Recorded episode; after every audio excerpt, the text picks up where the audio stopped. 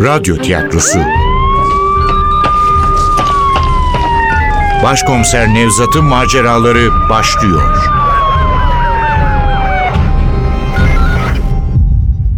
Kırlangıç Çığlığı 22. Bölüm Eser Ahmet Ümit Seslendirenler Başkomiser Nevzat Nuri Gökaşan Komiser Ali Umut Tabak Gazeteci Buket Pınar Erengil Başhekim Salih Mehmet Ali İşgüder Hayati Bey Aziz Sarvan Efektör Cengiz Saral Ses Teknisini Ozan Akıncı Yönetmen Ogün Yağcı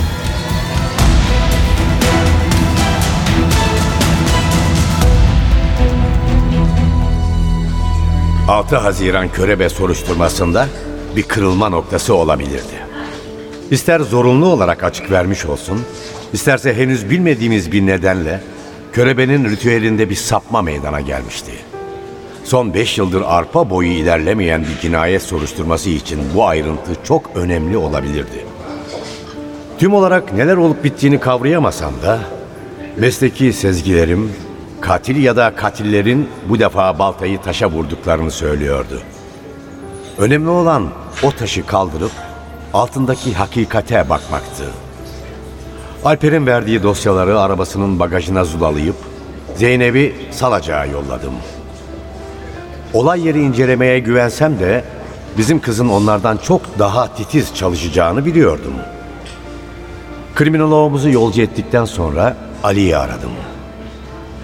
Dün akşam öldürülen cerrah Kansu Sarmaşık'ın çalıştığı Levent'teki Serap Hastanesi'ne gelmesini söyledim. Neşesi yerine geldi sanırım. Derhal geliyorum başkomiserim. Derhal gelememişti elbette. Ben de bu fırsattan istifade hastahanenin kafeteryasında oturmuş kendime sade bir Türk kahvesi ısmarlamıştım. Ne yalan söylemeli, kafeteryanın kumral garsonu elindeki tepside bol köpüklü kallavi bir kahve ile gelince şaşırdım. Yine de emin olamadım. Tadı bozuktur diye çekine çekine aldım ilk yudumu. Hayret, tadı da yerindeydi, kıvamı da. Şöyle höpürdete höpürdete kahvemi içmeye başladım. Son yuduma gelmiştim ki çaldı telefonum. Arayan gazeteci Buket'ti. Başınız sağ olsun Nevzat Bey. Zekai amirimi kaybetmişiz. Dostlar sağ olsun Buket Hanım. Ne yazık ki öyle. Şile'ye gitmiştik. Kuzenimin düğünü vardı. Haberim olmadı. Biraz önce öğrendim. Çok üzüldüm. Çok çok iyi bir insandı. Çok da iyi bir polisti. Kim kim yapmış olabilir başkomiserim? Var mı şüpheli birileri? Ne yazık ki yok. Körebeden şüpheleniyoruz. Siz ne dersiniz? O yapmış olabilir mi? Niye yapsın ki? Bu onun tarzı değil. Tabii kendisine yönelik bir tehdit varsa onu bilemem. Yoksa Zekai başkomiserim önemli bir bilgiye mi ulaşmıştı? Körebe hakkında. Eğer adamın kimliğini öğrendiyse ya da körebe böyle olduğunu düşünmüşse... O kadarını bilmiyoruz ama dün gece körebe bir cinayet daha işledi. Ne? Ciddi misiniz? Şu işe bak ya. Bir düğüne gittik. Memlekette yer yerinden oynamış. Nerede işlendi bu cinayet? Durun durun ben öğrenirim. Peki bir ipucu falan var mı? Hayır, her zamanki gibi tek bir iz bile yok. Aslında mantıksız. Ardı ardına iki cinayet. 24 saat içinde. O kadar bile değil. 10 saat içinde diyelim. 10 saat içinde mi? Valla başkomiserim bu iş körebenin tarzına pek uymuyor ama dediğim gibi başı sıkışmışsa... Hayır başı sıkışsa da iki cinayeti işleyemezdi. O kadar kolay mı insanı öldürmek? Hem de hiç ipucu bırakmadan. Yok bu cinayetlere başkaları bulaşmış olabilir. Bence bu ihtimali hiç göz ardı etmemek gerek. Etmiyoruz zaten Buket Hanım. Sizden ricam davayla alakalı aklınıza takılan bir ayrıntı olursa benimle paylaşmanız. Zekai hepimizin ortak dostuydu.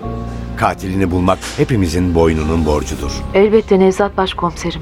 Elbette en küçük bir bilgiye dahi ulaşsam söz önce sizinle paylaşacağım.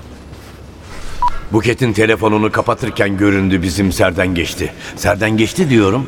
Çünkü öyle bir yürüyüşü vardı ki polisten çok eski kabadayıları andırıyordu. Ah Ali ah diye söylenip kahvemdeki son yudumu da alıp kalktım. Merhaba başkomiserim. Ne haber Ali? Bir şey buldu mu? Olay yeri inceleme. Kırmızı bir topraktan söz ediyordu Şefik. Teknenin zemininde bulmuşlar. Aynı toprak Zekai amirimin cesedinin yanında da varmış. Katilin ayakkabısından dökülmüş olabileceğini söyledi. Başka?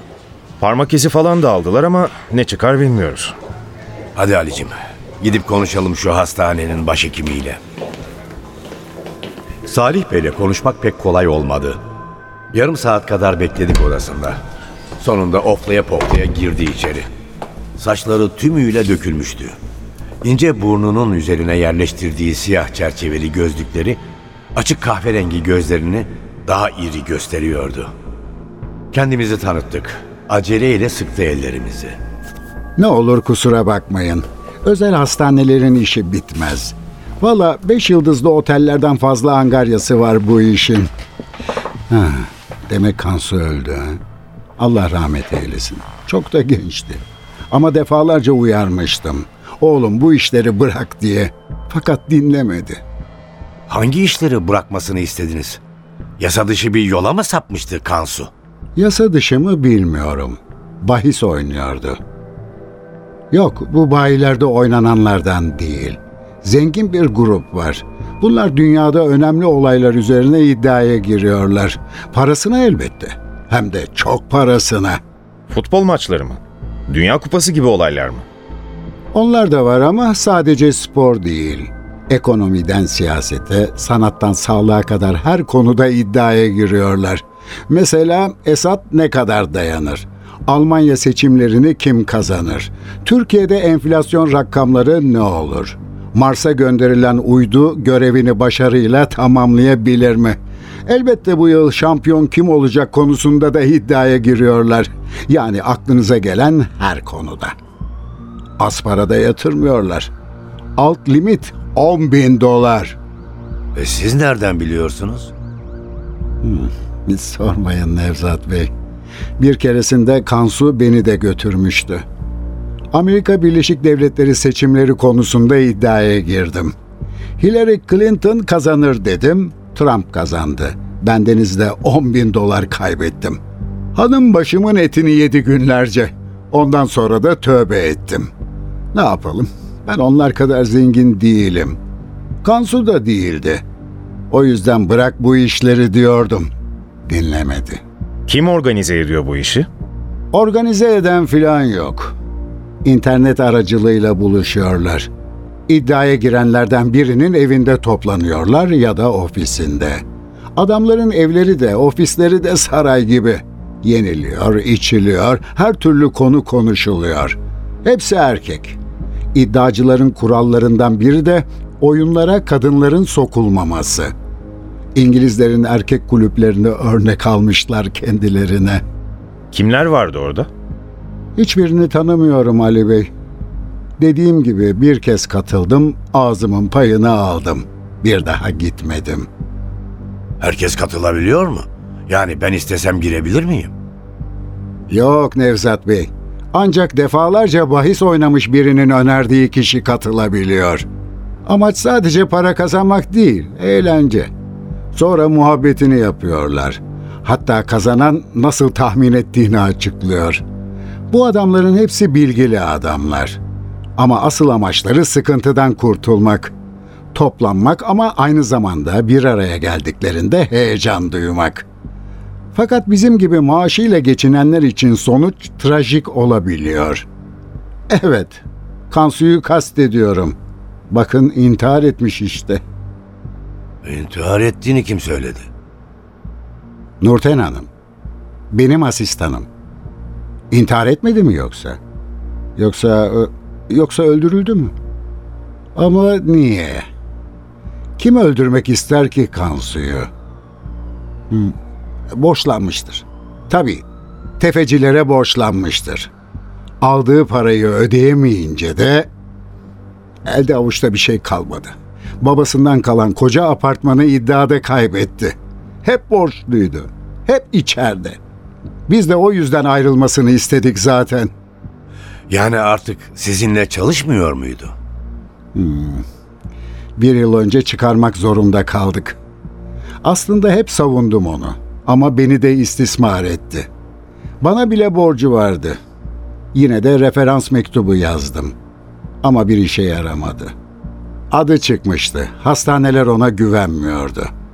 Yazık. Gerçekten çok yazık. Çok iyi bir cerrahtı. Çok önemli bir sorun daha var Salih Bey. Lütfen bu konuda bildiklerinizi bizden saklamayın. İpotekten mi bahsediyorsunuz? Yapmak istemezdik ama arabasına el koymaya mecburduk. Hayır hayır. Daha mahrem bir konu var.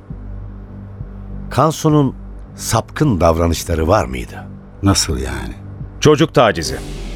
Küçük çocuklara sarkıntılıkta bulunmaktan söz ediyoruz. Asla. Asla. Hayır, hayır.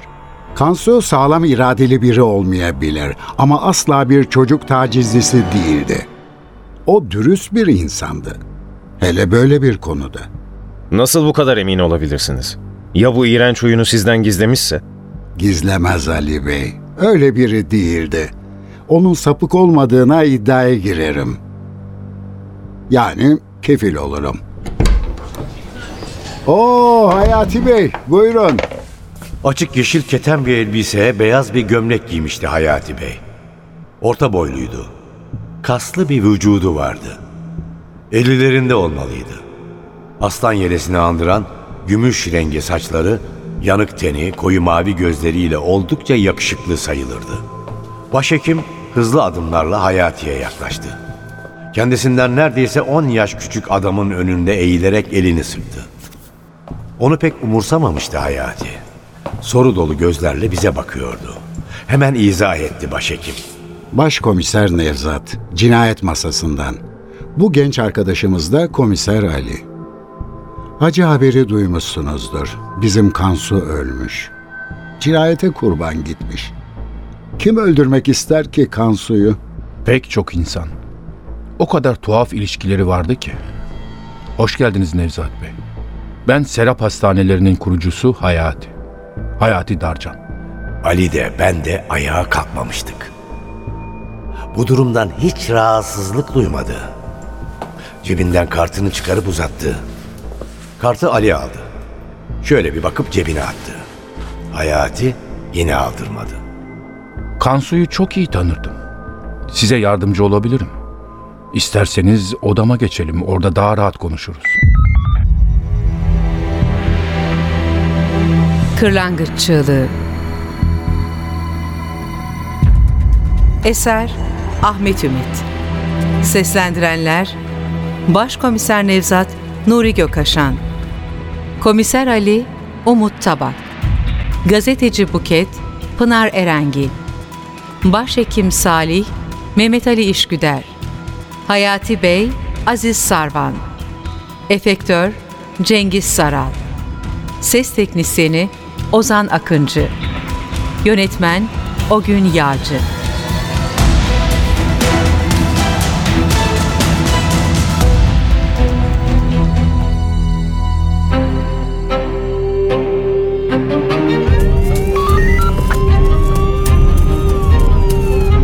Radyo tiyatrosu Başkomiser Nevzat'ın maceraları Başkomiser Nevzat'ın maceraları her cumartesi 11.15'te NTV Radyo'da. Kaçıranlar ve tekrar dinlemek isteyenler içinse ntvradio.com.tr'deki podcast sayfamızda.